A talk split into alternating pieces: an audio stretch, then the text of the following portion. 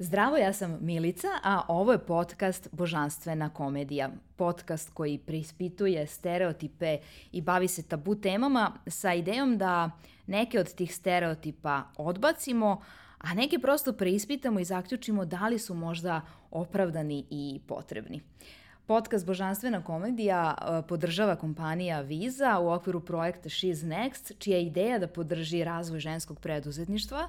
I u tom kontekstu uh, mislim da imam savršenu sagovornicu koja je primer jedne uspešne preduzetnice, a istovremeno i mame, a istovremeno i žene koja otvoreno i bez lake na jeziku je spremna da kaže da prosto nekad ne postiže sve i da joj je nekad jako teško i koja je spremna da nam ispriča kako sa svim tim izazovima izlazi na kraj. Ona je Marija Đurovski, vlasnica firme Housewife Detox.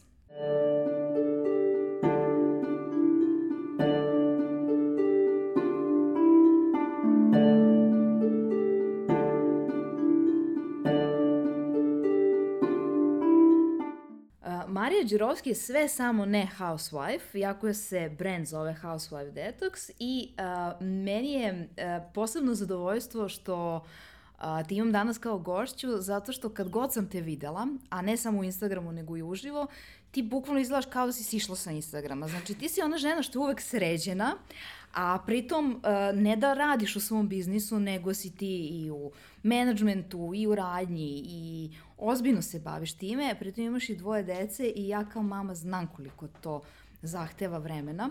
Tako da, a, sad ću da te pitam pitanje koje a, ja, ja uopšte ne volim kada dobijem, a to je kako ti to sve postižeš?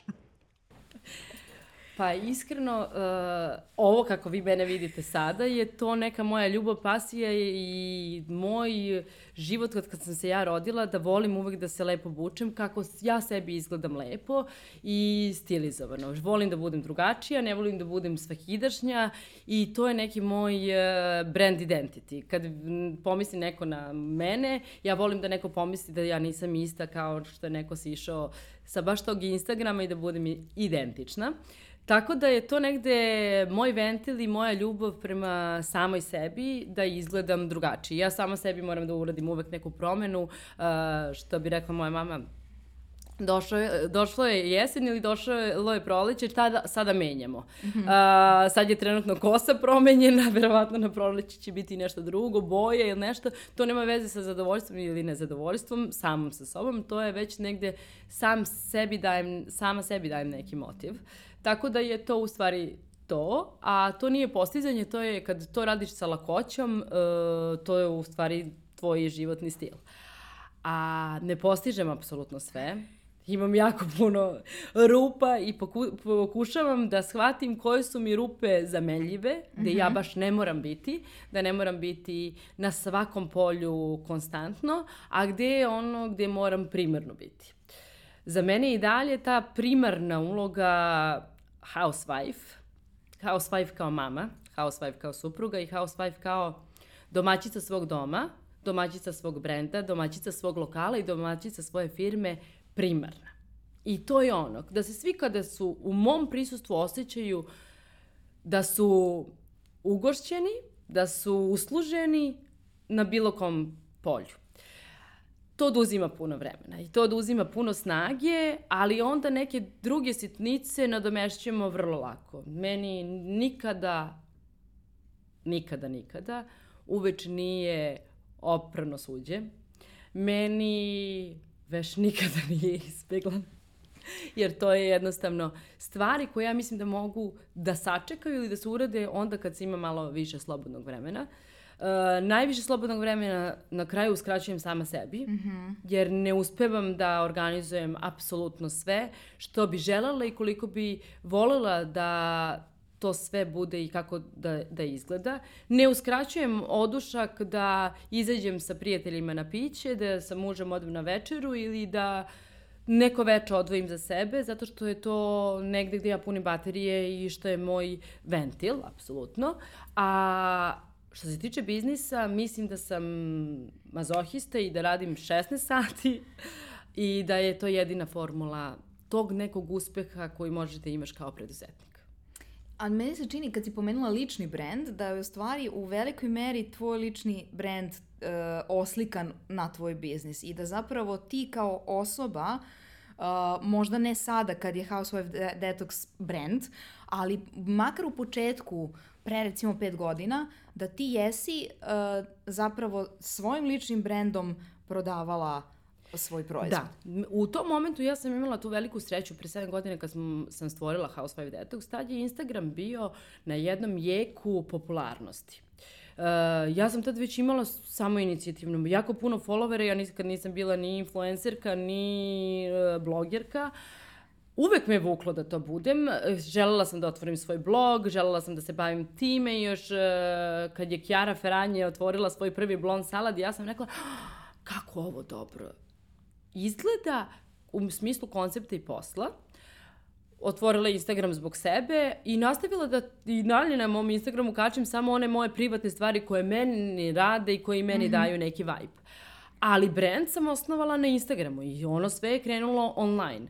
Ali ta ljubav koju sam ja pružila kroz svoj brand i House Vibe, zašto je House Vibe, ja sam to sve sama radila od kuće. I to je bilo stvarno. I ti hladno ceđeni sokovi su bili svako jutro od mene isceđeni i doneti kad smo pokretali biznis. I mi smo ih nosili na tu kućnu adresu. I zajedno sa sinom u kolima kojim ima manje od e, godinu dana, delivery na adresu tih detoks programa. I to su ljudi jednostavno osetili i videli. Osetili su po ukusu, osetili su tu razliku koja postoji, jer to nisam radila kao da je kompanija. Ja sam to radila stvarno kao da ja nekome... Kao za sebe. Kao za sebe. I dalje ja volim da kažem nama kad dođu ljudi u shop uh, i gledaju, sad moje deca kako ulaze, utrčavaju, uzimaju iz frižidera uh, sokove, mi pijemo odatle, oni kažu, pa ovo je stvarno i vi pijete odavde. Pa da, ono što dajem sebi, to dajem i drugima. To je negde, da, da. u stvari, to s čime se ja vodim da to tako treba da bude. E, znaš što mi je bilo zanimljivo? I to bih ja predramatično doživjela i zanima me kako si ti to doživjela. Dopisivale smo se samo na tu temu. Uh, pomenula si da si uh, posao razvila uh, od Instagrama. I razvijala si ga onako organski, pa je posle Instagrama nastao sajt koji je bio, čak mislim, među prvim da.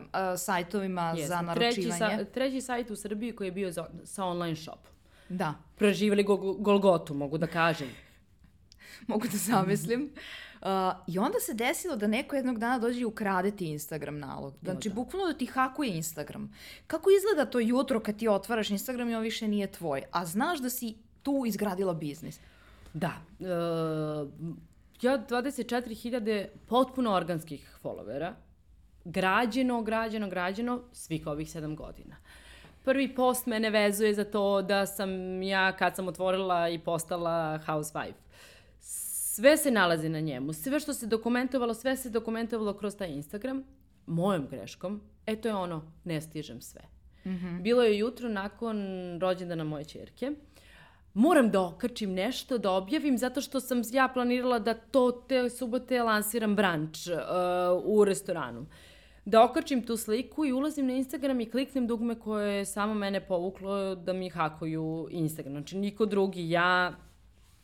I vidim, napravila sam glupost. Šta sad da radim?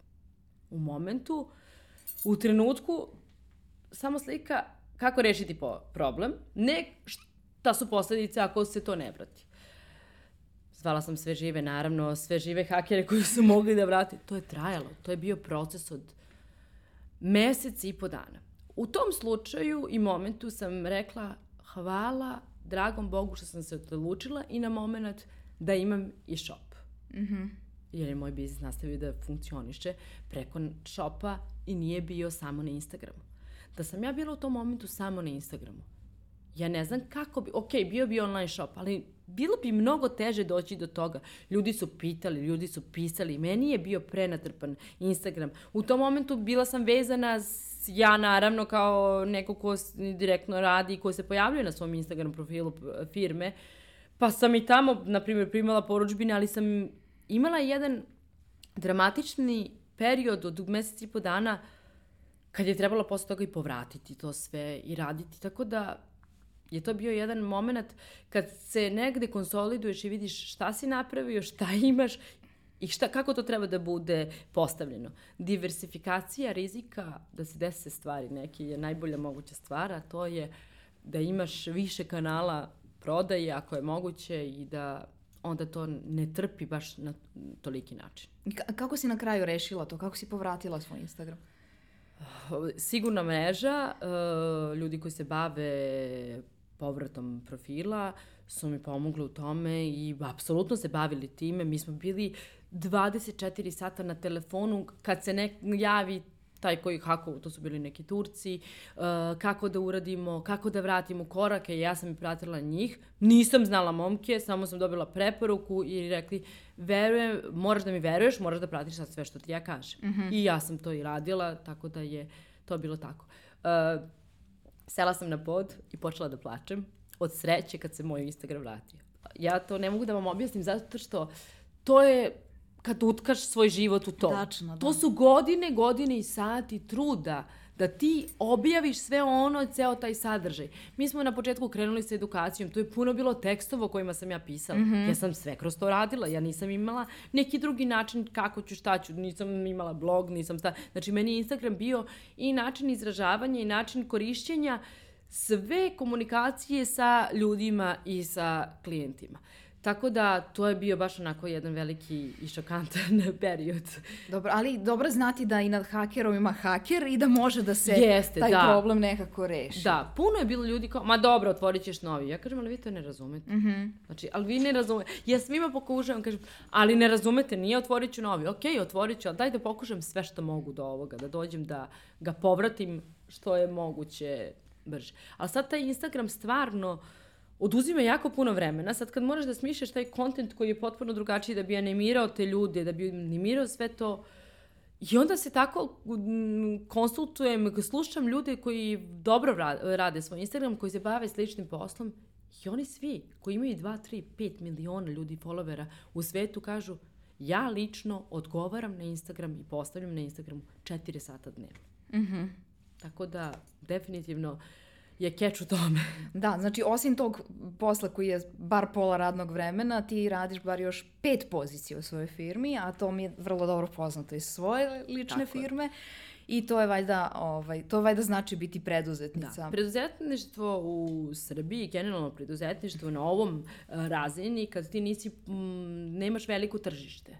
To je prva stvar. Mm -hmm. Znači, nemaš mogućnost da imaš toliko tržište da platiš sve ljude koji bi mogli da rade tvoju funkciju. Znači da imaš strukturiraš lepo, da imaš sve ljude ispod sebe i da to jednostavno funkcioniše tako, ti si samo taj neki relationship manager koji treba da se bavi svojim brendom kao brand manager i strategijom i odlukama šta ćeš raditi, moraš ipak raditi sve. I morate biti moraš biti prisutan u svakom od tih uh, delova da bi to jednostavno funkcionisalo.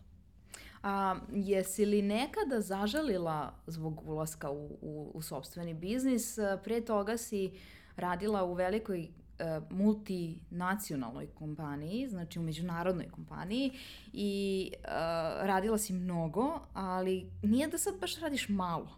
Znači, da, da li da. ovaj, kod, kod velike kompanije, opet sad znam po sebi, ti makar imaš tu taj luksus da ne moraš da razmišljaš o svojoj plati, na primjer. Ti radiš svoj da. posao najbolje što možeš i znaš da ćeš na kraju meseca dobiti platu. Sad odjednom ne razmišljaš samo o svojoj, nego su tu još neki zaposleni ljudi. To je stvarno jedan novi da, to svet je jedan, briga. Da, uh, ja, ja samo sad kažem, pošto to mene vuči, ja opet emotivno doživljam ceo svoj biznis. Uh, ja za 18 ljudi koliko radi kod nas u firmi, ja ne želim da razmišljaju i da ne, se, ne osjećaju u našoj firmi sigurno da li će dobiti ili neće dobiti platu. Tako da je meni broj jedan u našem biznisu da ti radnici budu mm -hmm. adekvatno plaćeni i da budu plaćeni na vreme. Kao što ni ja nikad nisam razmišljala da će meni kasniti platu, ne, jednostavno radim svoj posao u multinacionalnoj kompaniji, velikoj kompaniji, to ima sve svoju hjerarhiju. Znači, ne možeš ti imati neku platu ludilo svaki e, tri meseca da se povećava, ne, ti imaš, ali znaš da je ona sigurna. Tako isto je negde model koji ja se trudim da to bude sad i ovde, ali onda moram kompenzovati i ja biti na, ula, na ulazi više funkcija u ovoj firmi i konstantno taj management skill sa svima njima mm -hmm. preslikavati i raditi. A da li, uh, koliko ti znači zapravo to korporativno iskustvo? Šta koristiš od tih uh, naučenih, uh, mada ti imaš i formalno obrazovanje iz ekonomije i... Da, ja sam završila finansijski menadžment, pa sam završila master iz finansijskog menadžmenta. Pa sam se kasnije bavila baš time u kompaniji, radila sam za Karpizu, bila njihov prvo brand manager za Srbiju, pa onda se razvilo to za jugoistočnu Evropu, cijelu Evropu. Radila velike due diligence za, uh, na zapadnom tržištu, koji nije ni malo lako. Znači, to te, kad te baci onako, to misliš kao, jao, super, super, ali to je ozbiljno znanje i ozbiljno moraš da se baviš time. E onda sam ja, uh, ja sam moj posao počela zbog toga, uh, kad me pitaš da li sam se pokajala, ne mogu se pokajati ili ja sam to uradila zbog svoje dece. Uh, to jest svog prvog deteta, jer sam shvatila da ne mogu biti na putu četiri dana nedeljno i ne želim biti na putu četiri dana nedeljno. Uh, sve ovo ostalo je okej, okay, ali ne želim, moram biti prisutna u njegovom, to jest njihovom životu i to je za mene bilo 30 gost, godina dosta. Uh, radili smo što smo radili, naučili smo puno, mogu raditi ovde. S tim što u momentu kad sam ja rekla, ok, mogu raditi ovde, to nije, ne, opet smo mi malo tržište i ne bi ja mogla mm -hmm. da mhm. imam ni tu platu, ni te uslove, ni, ništa od toga što bi mogla da radim kao što sam radila. I onda je meni to bilo housewife, od domaćice pokrenem biznis i da bi mogla da radim apsolutno i da budem tu sve vreme uz decu kako ja smatram da to treba da se odgaje.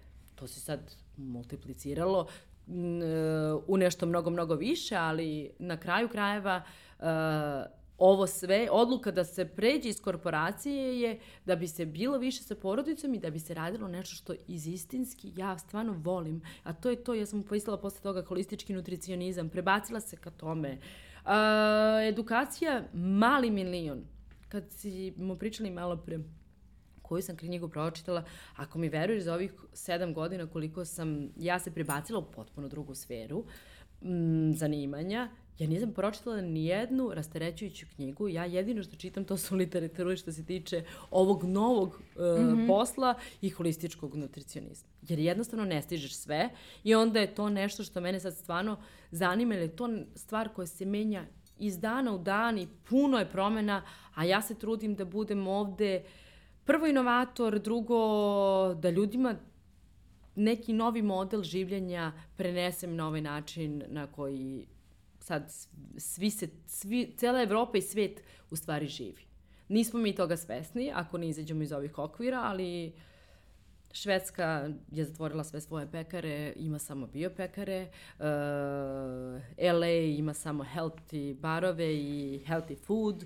Whole food jedini raste. Uh, neki Sweet green, Greens je izašao na berzu zato što je to novi trend življenja mm -hmm, da bi mm -hmm. o, o, da bi mogli u stvari da se živi duže i da se nastavi da se radi ovoliko koliko se radilo. Jer uh, ja volim da kažem, uh, Amerikanci su stvorili uh, alkohol da bi motivisali uh, personal da radi i bi služio se alkohol u pauzama za u prvoj na smeni, poslu. na mhm. poslu. Mm -hmm. Nakon toga došla kafa, E, ja kažem, sad dolazi zeleni sok. Da, da, detoks neki. Detoks, da.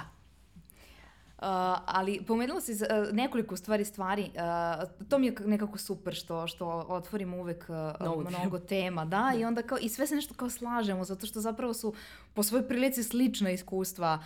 I to ne samo žene koja je preduzetnica, nego žene koja ima karijeru. Dakle, to su zapravo neki vrlo slični izazovi. Da li ti odlaziš na sobstveni posao ili odlaziš je. u kancelariju, ti jednako imaš izazov da prilagodiš vreme sa decom i vreme koje ćeš posvetiti poslu. Um, I rekla si mi da u stvari od sebe najviše uskraćuješ to vreme. Da. Jel imaš uh, neku grižu savesti kad provodiš to vreme samo, sa samom sobom? Jel osjećaš da si možda, možda još mogla vreme da posvetiš deci ili poslu ili nečemu trećem? Pa ja se stvarno trudim da mi e, posvetimo deci full time kad ih pokupimo iz škole, vrtića i svega. U svojoj glavi sam potpuno E, napravila da je sasvim okej okay da je moje dete krenulo u prvi razred i da on ide u boravak, da ne sedim ja kući i učim sa njim, jer je mama na poslu.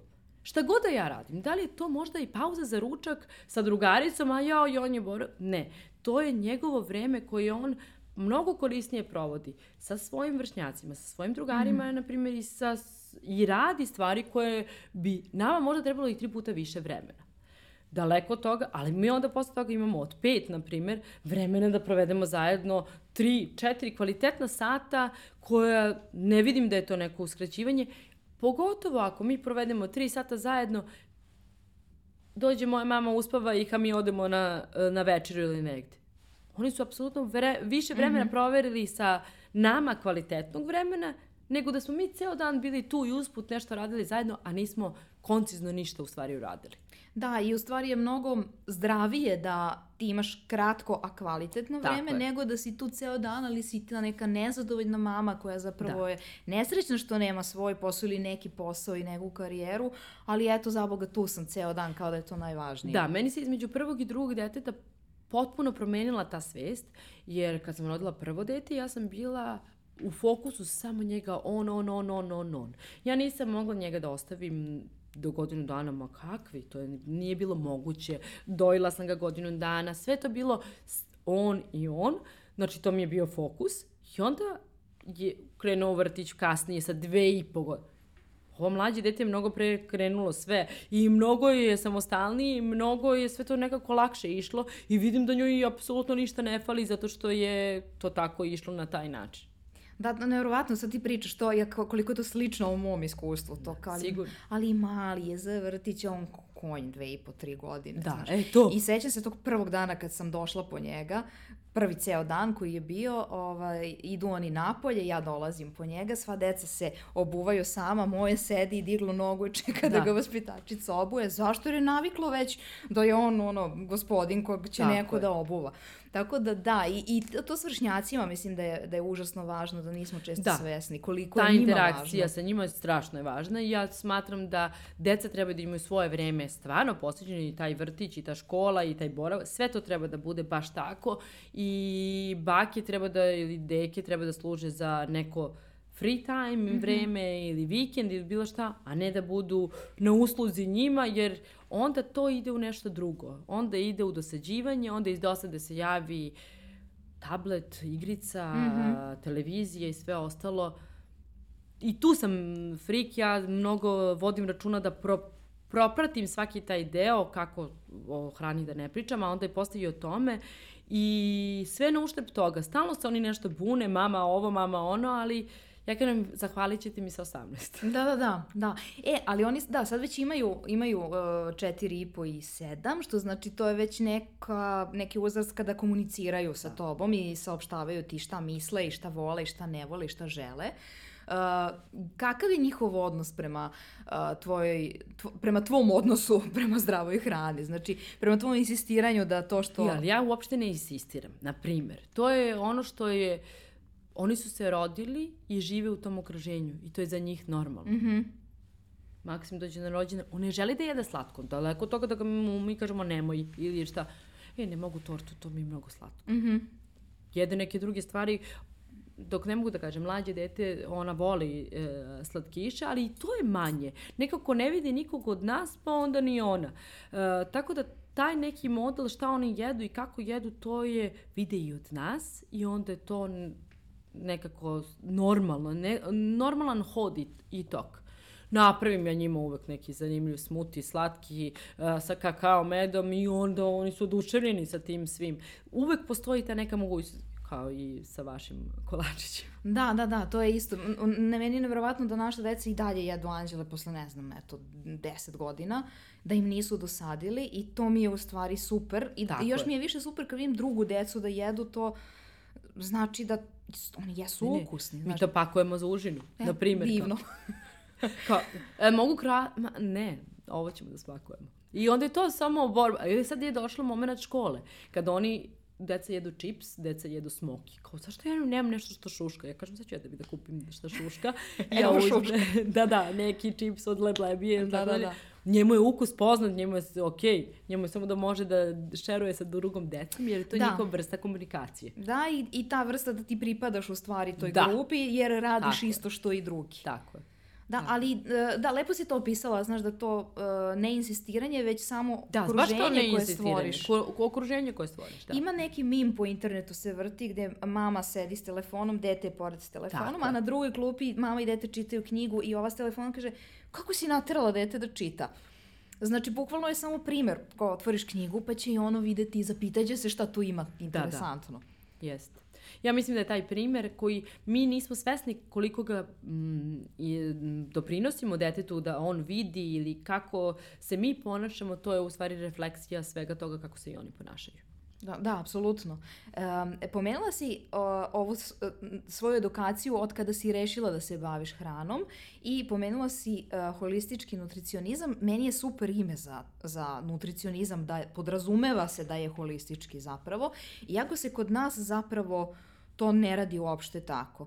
Da. E, kada pričam sa doktorkama koje, znam dve sticam okolnosti, koje obe imaju privatnu praksu, obema je motiv da pokrenu privatnu praksu bio taj što je u državnom sistemu prosto bilo premalo vremena da se one bave upravo tim holističkim Tako. pristupom.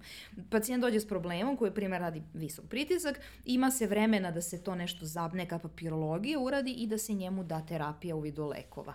Nema se vremena da se pita šta čovjek jede, zašto to jede, šta bi drugačije mogao da jede. A m, pričale smo o trendovima ovaj, koje, koje dolaze iz sveta. Ja sam baš sigurna da drugačije ne, u, u budućnosti neće moći da se da, leči pogotovo osoba. se sad, nakon ovog covid i svega, javile su se mnoge te bolesti koje su baš vezane za želudac, za, za u stvari, taj gut problems, e, koji e, ne može hrana da se vari na pravi način, puno je emulgatora, mi nismo ni svesni koliko mm -hmm. emulgatora ima u svojoj ovoj hrani koju mi koristimo, zašto ne možemo da je jedemo, kako, i te neki ti neki u stvari mali razgovori e, sa ljudima puno im pomogu da je uopšte osveste uh, da postoji nešto. A ja vidim da ljudi opet nemaju edukaciju po tom pitanju apsolutno, da svest ne postoji i da na tome mora da se radi puno. To je sve zanemarljivo, a u stvari uh, mi na tome možemo puno stvari rešiti. Ja sam, na primjer, izbacivanje tečnosti i uopšte štitnu žlezdu sama sebi rešila, regulisala sa namirnicama koje unosim, sa sokovima koje pijem i rešila neoticanje potpuno. Tako da to su neke stvari koje mogu vrlo lagano, ali treba ih razumeti. Da, ali ovako, ti si sad rešila se da ti to bude biznis, posvetila se tome, edukovala se o tome. Tako je. Kako da čovek prosto se snađe u toj šumi nekih uh, saveta, od kojih su neki stvarno od stručnjaka, a neki su prosto od fitness trenera iz teretane koji hoće da se bavi ishranom i onda ti savetuje nešto što ti u stvari možda optereti jetru, na primjer, još dodatno, dati pogrešan savjet, pogoršati još zdravlje, a sve kao iz neke najbolje namere, jer nije dovoljno edukovan. Pa ja sebe, na primjer, ne volim nikada da nazivam nutricionistom ili ja to nisam iskreno. Ja mogu da kažem savete za zdrav način života i zdravu ishranu. Znači, to je nešto što svako može, čak i dete, koje konzumira baš to, može da mu dobro, da mu prije i da mu bude lagano.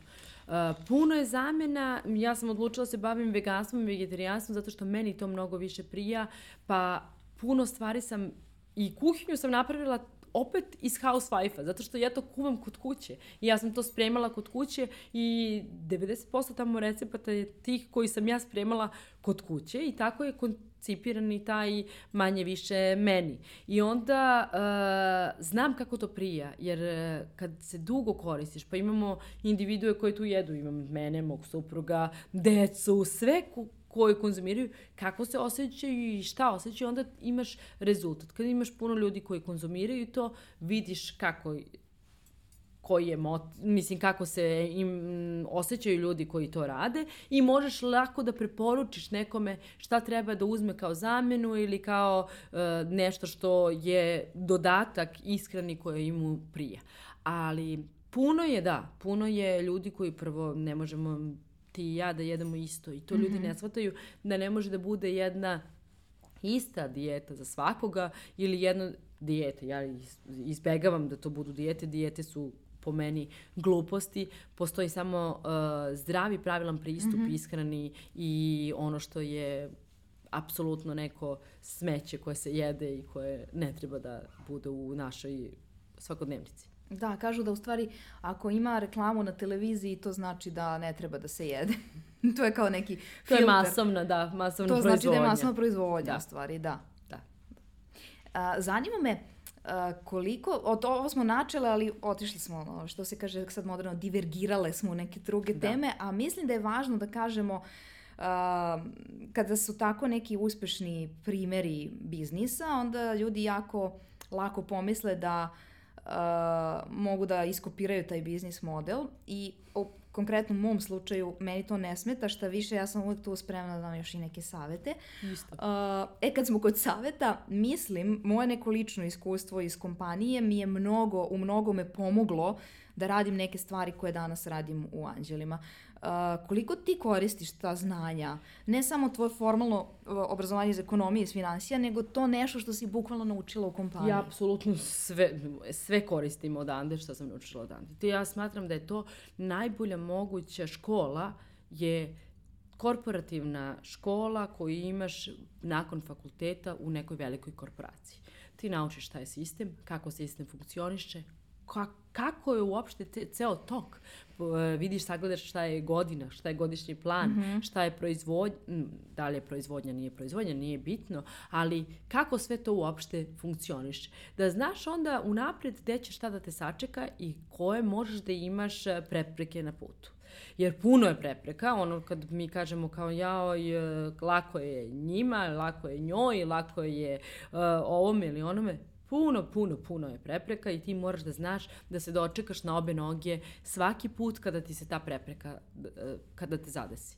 I, I meni se čini čak da te možda ta korporacija nauči da rezultate sagledavaš drugačije. A da. A ne kao danas sam imala super promet, Ma, a sutra je bez veze, nego da jednostavno ti analiziraš malo duže vremenske tako. periode. Da nemaš tako kratka očekivanja. Da, da. Kad, imaš, kad nemaš iskustva i kad imaš očekivanja, to je prvi ovaj na ad hoc, kada se da zadesi neki bum, ti očekuješ da će to da bude kontinuirano i da će da se nastavi i da to je tako. I da prema tome sad ćemo da zapošljavamo resurse, prema tome ćemo da upošljavamo ljude i sve ostalo i sve ostale saradnike i da misliš da možeš da pretplatiš neke stvari, ali korporacija te nauči da to ne može, da to sve mora da ima neki godišnji plan i da ako si u godišnjem planu, onda si okej, okay, ako nisi, onda tu negde škripi, da sagledaš na tromesečnom, polugodišnjem nivou sve šta se desilo i u kom smeru ide. Ja puno analiziram, ja se puno više bavim u stvari uh, mojim poslom, finansijama i ekonomijom, nego što se bavim holističkim nutricionizmom. Zato, zato što nemaš prostora da se baviš svim tim toliko. Sem kad pripremiš program i pripremio si mm -hmm. to i ideš ka tome. Ali ovo ostalo je mnogo uh, konstantnije i svakodnevnije. A jel ti nedostaje nešto, ne, neko to vreme i da li onda osjećaš da je možda trebalo još nešto u biznisu drugo, drugačije da radiš? To te pitam jer uh, kada recimo ja tako sad dođem nekoj drugarici koji ima neki biznis pa kažem, a što ne biste napravili još i ovaj proizvod, baš mu se savršeno uklapa u portfolio, ona mi kaže, sve ja to znam, a to čeka da ja nađem vreme i da ja da, sednem i da ja Naravno. to uradim.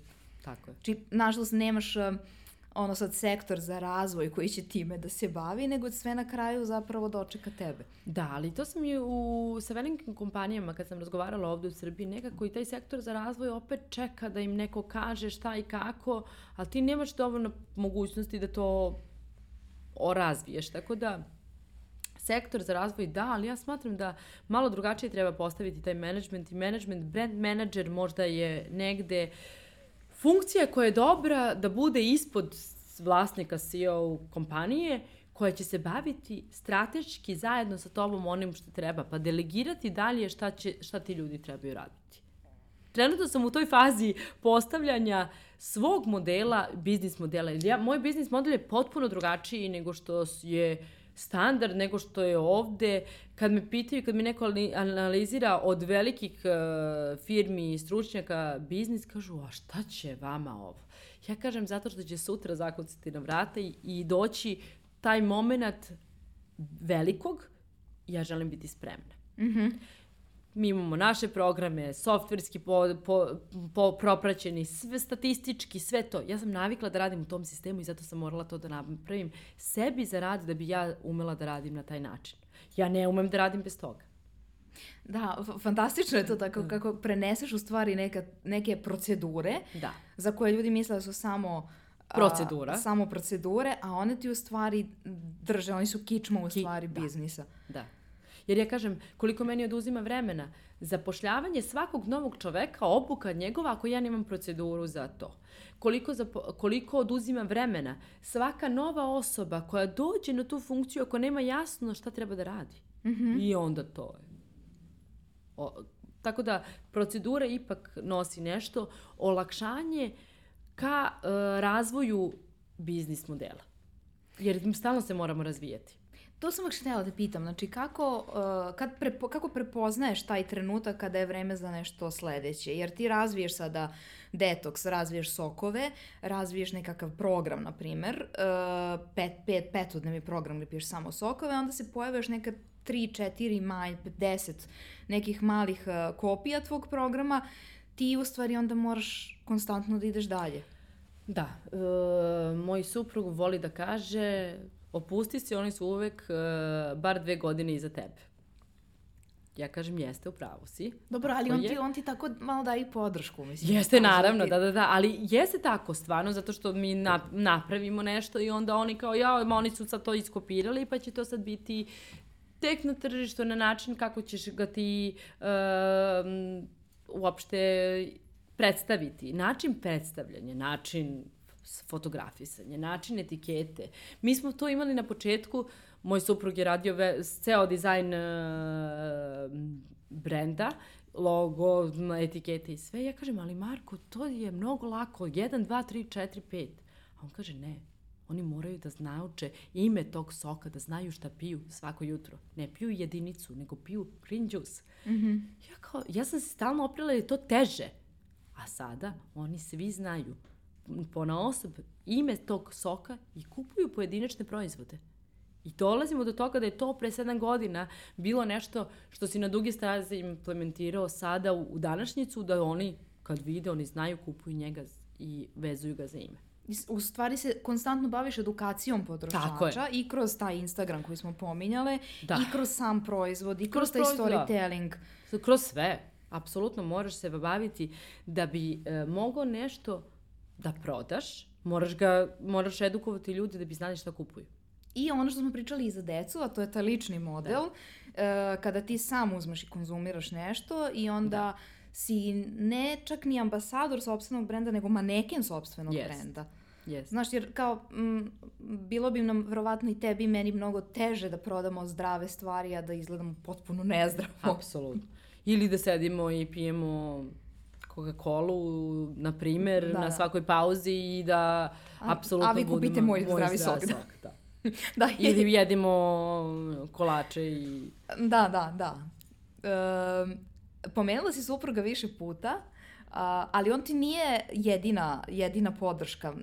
Meni je važno da pričamo o tome, da Uh, imam utisak čak da je u Beogradu mnogo lakše, da čim se izađe iz Beograda da žene tu tek nemaju nikakvu podršku, ni finansijsku, ali ajde to nekako bi možda i moglo da se premosti nekakvim pozajmicama, kreditima, kada bi postojala ova druga vrsta da. podrške, da. a to je verovanje da žena može da nešto uradi i uh, ne samo na nivou verovanja, nego praktičnih pomoći, praktične neke mreže podrške koju žene nemaju kroz svoje porodice ili prijateljice ili prijatelje ili partnere. Pa, um, prvo moraš imati taj suport iza sebe, leđa. Svi misle prvo na finansije. A one su mnogo mal, manje bitne i važne nego što je bitno da neko drugi može nešto umesto tebe ili apsolutno samo da te podrži da to nešto uradiš.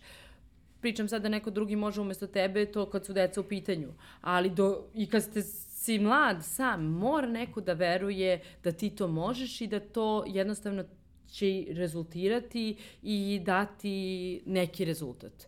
Uh, moj suprug je umetnik i on mene, mislim umetnik, mogu reći njegova bavio se futbolom, ali umetnik. I kad imate uh, osobu sa kojom se zabavljate 15 godina, vi stalno ste tu kao njegov suport.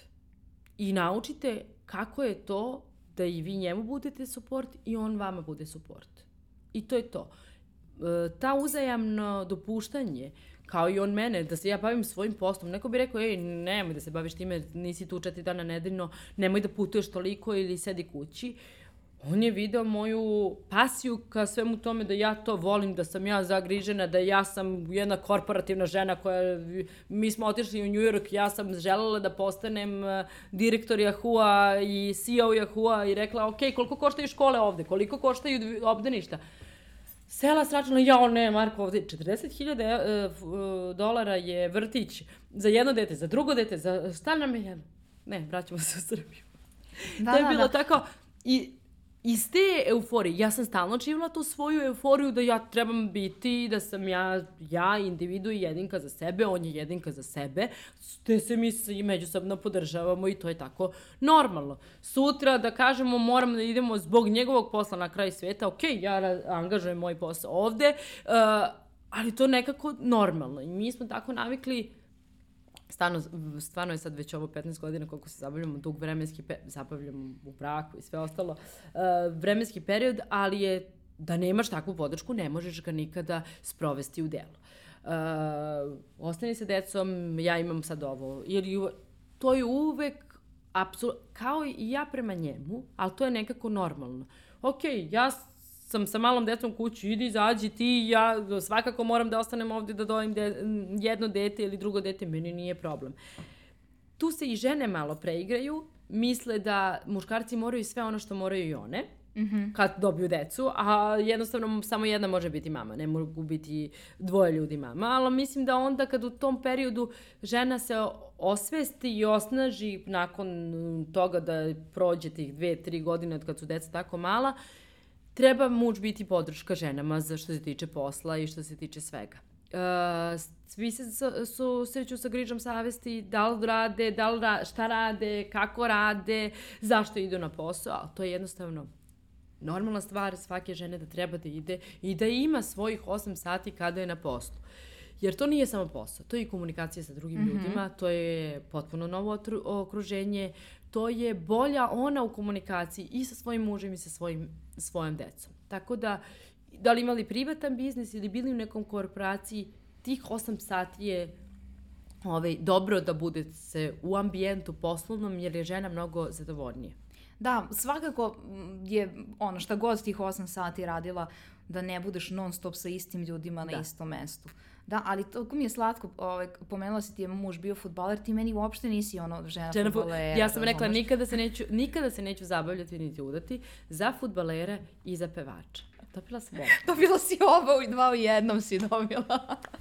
e, ali ja mislim da on i nije tipični futbaler. Nije tipičan futbaler, nije do, tipi, zato što je s tobom. Baš da, zato što da, nije s da. tipičnom kao, ne znam, da. nekom ženom čije ambicije bila su da za futbalera i to je to, nego je dobio ono corporate chick, znači dobio je kao ženu koja da. ima ozbiljnu karijeru i na njemu je bilo da to podrži ili da, da kao da ne bude tu. I što je najgore, mi smo se upoznali na fakultetu i na tom fakultetu, jer je on, on prestao da igra futbal, na tom fakultetu smo se, ja sam bila naravno štreber, štreber, a ovaj, on je m, mene muvao tako što mi doneo neke skripte koje nisu mogli da se nabaviti. Tako da je ona shvatio odmah stvari s kim, s kim ima, ima posla. Da. Znači ti si ta žena što pada na knjige. Da. Fantastično. I da, da. Da, ali hoću da kažem, mislim da je i on, mislim da u odnosima zapravo ljud, dvoje ljudi uh, koji su partneri uh, jednako utiču jedno na drugo. Da. da i ti si njemu neka vrsta podrške da on se razvije u nekim drugim oblastima Jeste, koje nisu naravno. futbal ili muzika. Da, da, da, da. Mislim, sad mi ovo sve radimo, naravno radimo zajedno jer je, o, kad preraste u, u, u ozbiljan biznis, onda moraš ga raditi zajedno. Ne možeš biti sam baš mm -hmm. i sve te velike odluke uh, donošenja, preuzimanja i svega su vrlo važne, vrlo važne. Mi smo ovaj, se zezali, bila je korona i su, uživali smo iskreno za onih dva meseca koliko smo bili, svi, sad shvatamo koliko smo uživali, ali ja sve vrijeme pominjem, sad je pravi moment kad se završi korona, moramo napravi, moramo otvoriti maloprodajni objekat. Sad je to, ali vidiš kad mi radimo za vreme korone, to je to, to znači mora sada, mora sada, mora sada. I on je isto nekako prizvao, tražio je i on, pogleda, ali ja sam imala tačno targetirano gde to mora biti, šta to mora biti, kako, koncizno to mora biti centar grada. Tu prolazi najviše stranaca, to će jedino stranci da razumeju. To, I stalno, ja sam ponavljala, ponavljala, to ono, ne nametanje, ne, ali ponavljam ono što ima, ja me, dođi da vidiš, imam u centru grada savršen lokal. Ja kad sam videla, pa to je to. Sad kažemo kao, radimo zajedno sve, ali je to ozbiljna odgovornost i ozbiljno ulaganje. Oboje opet u, u sve to i u, i u celi, ceo biznis. Jer ne možeš raditi baš ovoliko sve sam. Ne, mislim, to razumeš. I šta ti je još mreža podrške, osim te one baš primarne porodice? Znači... Pa rodi, mame. Apsolutno, mame jedna, mama druga, sestra, tetka, svi oni su negde prepleteni i mama kad zove moja kaže, ej, šta imamo danas, jel imamo nešto, jel treba nešto, jel treba da pomognemo, ja kažem, samo čuvanje. kad treba nešto da se uleti, ako je nešto što bi trebalo da se ide, ja kažem, taj socijalni život mi je strašno važan i bitan, jer tu održavamo i nas dvoje naš brak, i mi prijatelji, i mi ljude, i sve ostalo, jer drugačije ne možeš funkcionisati. Da, drugačije te po, prosto pojede taj posao. Da baš. Mm, ja bih mogla i da radim non stop, ali opet moj suprug ima to dobro. E, sutra uveče imamo to i to, idemo tamo i to te negde na... E, organizovao sam decu. Idu da spavaju. I onda kao, moraš da odeš, kao već smo sve organizovali. Inače bi otišli, o, ostali kod kuće ili nešto bi opet bio, bio posao i bila bi priča oko posla. Tu se trudimo da isto da strašno uh, presečemo da je posao kao, ajmo, e, utro, ajmo gledamo film, ajmo gledamo seriju mm -hmm. neku, da ne bude samo posao, posao, posao. A kaži mi, u tom vremenu kada, kada nije posao, kada konačno uspeš tako nešto da nađeš neko vreme za sebe, šta onda radiš na sebi? O to kao rad na sebi zvuči opet kao neki, te, te popularne reči, to osnaživanje, rad na sebi, holizam, ali zapravo to jeste strašno važno. Jer ne možeš se svesti na biti mama i raditi Da, posao. ne. Uh, shvatila sam da nemam vremena, na primjer, da idem da vežbam, nemam vremena da idem da radim jogu nigde. Ja jogu radim već 13, 14 godina i to mi je onako moj negde ventil. Nemam vremena da, da odem i da odradim, jer nama je, kad imaš svoju proizvodnju, jutro je jako, i pro, pro, znači jutro ti je nezamenljivo, ne možeš raditi, ove, ići da treniraš ujutru, uh, Te dok Maksim nije krenuo u školu, mi smo kajmo to kući, radimo svi zajedno, bar 35 minuta. I to mi je bilo nekde vreme sa njima, pustimo online, radimo jogu zajedno. Uh, kada sam pod velikim stresom, šta radim za sebe? Kuvam. To mi je anti-stres potpuni. Kupujem cveće. Iako moj meni cveće ne uspeva, ali ga obožavam. Ali ne odustaješ. ali ne odustajem. I svakog proleća sadim cveće na terasi, imam koliko hoćeš stvari, lavanda, ruzmarin i sve ostalo, to, te biljke koje mogu da stavim i u začin i u sve. I stvarno volim da, to mi je negde terapija i to u lokalu da mogu malo da izdekorišem što se tiče toga, volim sve to to me opušta. Sad mene kad pitaš šta ću da uradim za sebe, otići ću kao da kupim i sredit ću malo neki novi. Stalno moram nešto da menjam, jer to mi je jednostavno da mi ubije monotoniju. I izlazim, da, volim house muziku i volim da izlaz, izađem na DJ-a i to mi je negde terapija. Da, da, sviđa mi se ta terapija, posebno što kao nije nešto sad, ja nekad sam volela, a sad ne. nešto, znači ta, ta vrsta te permanentne, da kažem, mladosti. Ne, mi dalje ovaj... idemo na exit. Ja i dalje sam ove, ove godine izdržala do šest ujutru, vrlo ponosno sam rekla, ha, šest ujutru, drugu noć, super. Samo džuskala, pila vodu i oni kaže, ti nisi normalna. Ja kažem, ali ja ovo volim. Rekao, ja sam ovde zato što to volim. Stvarno. Da, i tebe diže u stvari da, ta tvoj sobstvena i, adrenalin i atmosfera. I adrenalin i atmosfera i ta neka interakcija. Ja puno primam od ljudi gde je dobra vibe i dobro, dobro okruženje. I sad shvatamo kako smo se okružili sve mlađim i mlađim ljudima u okruženju imaš ne, neki koji su 24, 5, 6 i to je super zato što oni imaju i dalje tu energiju. Da, odnosno u stvari e, godine nisu stvar broja, već toga šta radiš i kako se osjećaš i onda da. kada vidiš da tvoji vršnjaci prosto više, da su, da su stariji od tebe, onda nađeš nove vršnjake zapravo. Da. I to smo tako počeli uh, zajedno da shvatamo u stvari da moraš naći jednostavno mlađe okruženje koje može i želi da radi te iste stvari. A, I koje može da se, i koje voli uopšte to. Ima ljudi koji ne vole, nisu Jasne. nikada ni volili.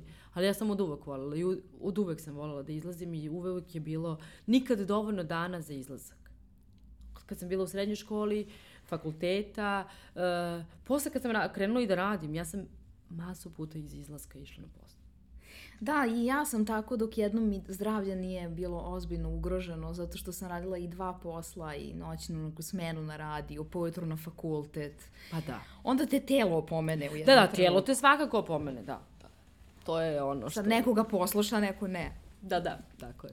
Ali da, to, je bil, to su bili ti neki momenti i smatram, i ja i dalje, pošto imam mlad tim i kad oni izlaze i kad oni to sve rade, ja je podržavam super, furajte sad, kad ćete ako nećete sad. I to mi je negde sasvim okej okay i nemam problem sa tim da ljudi treba da se baš tako. Ok, uh, da zamene smene zato što izlaze u grad. Da, zamenite neko drugi ko ne voli da izlazi, radit će i tako dalje. Sjajno. Uh, pomenula si mi uh, da dugo nisi čitala knjigu koja je zabave radi. Da.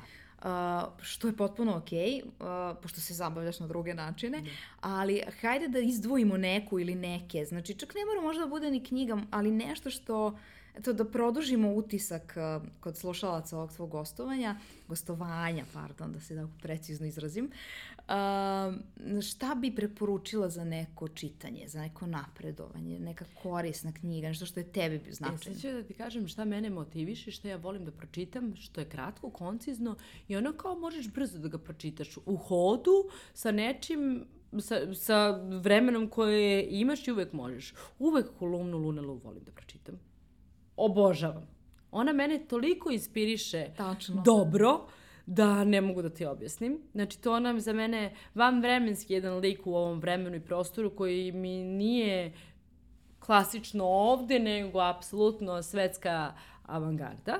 Uh, njena razmišljenja mi daju onaj neki vibe mnogo dobar. Uh, Uh, tampon zonu volim da gledam i slušam, znači ja slušam, imam masu stvari koje imam, uh, slušam, ja sam puno u kolima, na primjer, sad to mm -hmm. uh, vozi na ovu stranu, vozi na onu stranu, stranu, ja opustim podcast i slušam u kolima.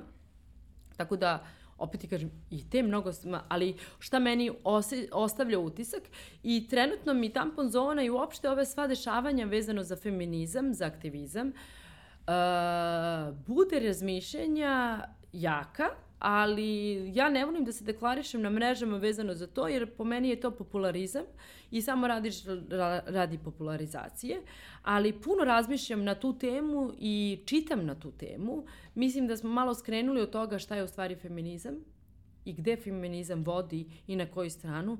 Mislim se, žene, shvatite da ovim smo doveli samo do toga da, moram, da ne pomažemo sami sebi u nekim mnogim stvarima, ali mi, na primjer, Iva otvara puno, puno dobrih tema koje e, šalju neku drugu poruku i to su me neke teme za razmišljanje. Sad, e, ja vrtim na drugu stranu, ne ka čitanju, već na moja razmišljanja po pitanju toga mm -hmm. i onda mhm. zapisujem te, raznorazne te stvari i onda istražujem kad imam vremena uh, opet i taj Google je mač sa dve oštrice, šta pročitati, šta saznati, ali mi bar, bar da smernicu kad tim nekim starijim uh, stvarima i onda taj, na primjer, puno se puta vratim na kapitalizam i Marks.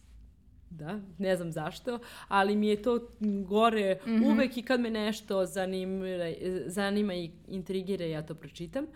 A u slobodno vrijeme čitam astrologiju.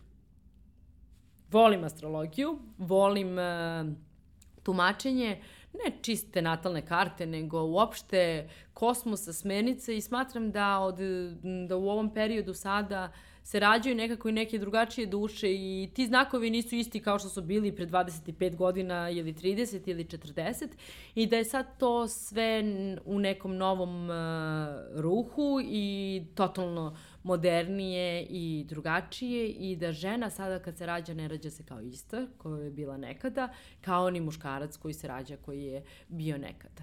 Tako da to su neke moje stvari koje volim da pročitam. Volim da pročitam iskreno, vidiš kako sam obučena.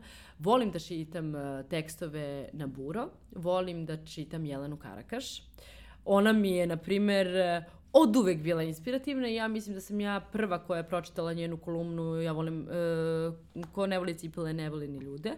Uh, I sve njene tada sam pročitala uh, tekstove, tako da je to, na primjer, moja razonoda. Mm -hmm. Moja razonoda je da pročitam, na primjer, i šta oni postoju. Volim da čitam, na primjer, i tamo onog njihovog Jordana i tako neke stvari koje te teraju na razmišljanje. Mm -hmm. Znači, to nije čisto da ti opusti mozak, u stvari terate da razmišljaš, jer negde moraš sam sebi da budeš motivator, jer ja nemam ko mene da motiviše. Ja moram da budem motivator i za te ljude koji rade sa mnom i kojima ja prenosim nešto.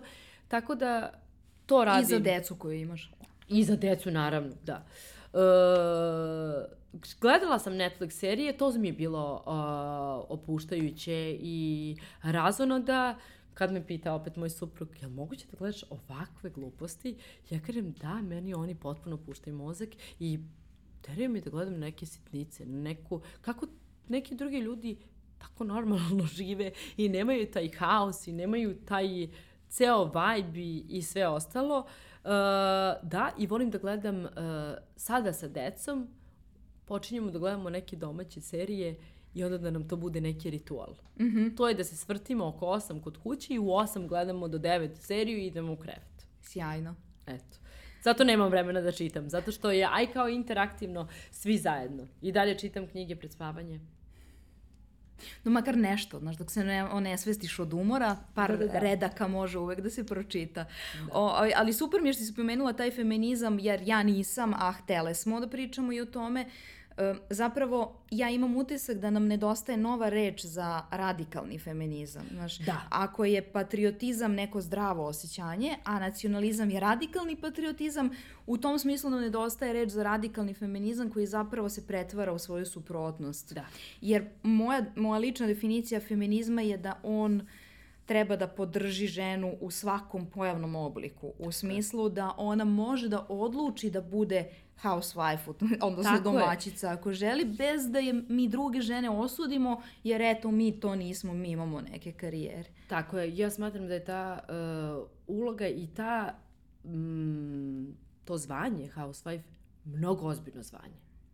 To mi ljudi ne shvatamo, ostali koji ga ne radimo. A to je full time job i to je nešto što, bez čega jedna porodica ne može. E sad, odlučiti se šta ćeš da uskratiš, da li ćeš da pripomogneš sebi pa da imaš nekoga ko će da dođe da ti počisti kuću, o, ispegla, ali da ti opet budeš taj neki housewife pored svega ovog ostalog što radiš, mislim da je jako važno. Bar jednom nedeljno. Jer deca trebaju negde malo da imaju taj model, e, okej, okay, kod kuće smo, osjećamo se lepo, mm -hmm. ne bežimo iz kuće. Jer sutra ta ista deca će se baš vratiti u tu našu kuću kada budu imali bilo koji problem, kada dođu te godine, kada im mame, tate ne budu bile bitne. Kao čao, doviđenja, zatvori mi sobu i to. A kad imaju problem, bit će kuc, kuc, došla sam kod tebe da ti, obrati, da ti se obratim, da ti kažem šta me muči, a neću da idem možda na odmah kod psihologa ili psihijatra da razgovaram, ipak ću da vidim da je moja porodica meni najveći prijatelj. Da, ili da to probam da rešim sa drugarima ili nekim ili neadekvatnim to. ponašanjem, što je u stvari najgori da. mogući model. Jeste. Tako da... A to možemo da postignemo samo ako ne osuđujemo decu, odnosno ako se oni ne plaše da dođu da ne dođu da ti kažu da imaju problem, očekujući da ćeš ti još da dodatno ga izgradiš zbog da. toga. Ja, na primjer, sam imala veliki challenge da prihvatim potpunu razliku mog drugog deteta u odnosu na ono što sam ja. Ona je mnogo slobodna, ona je umetnica, ona će biti neka vrsta umetnica. Znači ja sad moram da postičem da ona to može da bude. Mm -hmm. Pritom, e, puno emotivna, treba je podrška na svakom polju, svakom planu, a ovako se predstavlja da je pun, da može sve. I onda je taj zahtev meni da budem podrška svakog koraka u njenom odrastanju vrlo zahtevna.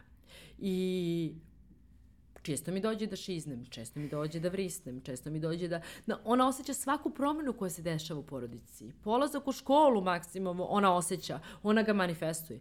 I onda je to nešto što je vrlo, vrlo, vrlo teško. A opet gledam, ona je devojčica, kako ću ja njoj, ako ju ja ne dam kao model, primjer da sam tu ja za nju, kako će se ona osjećati? Gde će ona, ka čemu će kročiti i šta će biti. I gde će tražiti tu podršku. Da. Tako je. I onda sam tako odgledala na, na uh, Netflixu film Marilyn Monroe i ok, priča kao priča, sve to, ali vidiš odakle to sve kreće i vidiš šta je to. Majka. I ta majka mora ostati majka. Bila ona u korporaciji, bila ona preduzetnica, ja smatram da ona mora ostati majka i mora biti tu za sve i da je to glavna uloga sve, svake žene i dalje. Hvala ti što si mi bila u podcastu. Hvala. Meni je baš onako, kažem ti, izazovno uh, da pričamo o svim tim tvojim ulogama i kako sagledavaš i kako uklapaš posao i kuću i sve segmente života. I uh, hvala ti što si podelila sa nama i te stvari koje su ti lepe i te stvari koje su ti teške. Hvala i tebi na pozivu. Drago mi je bilo da, se pop da popričamo na bilo koju od ovih tema.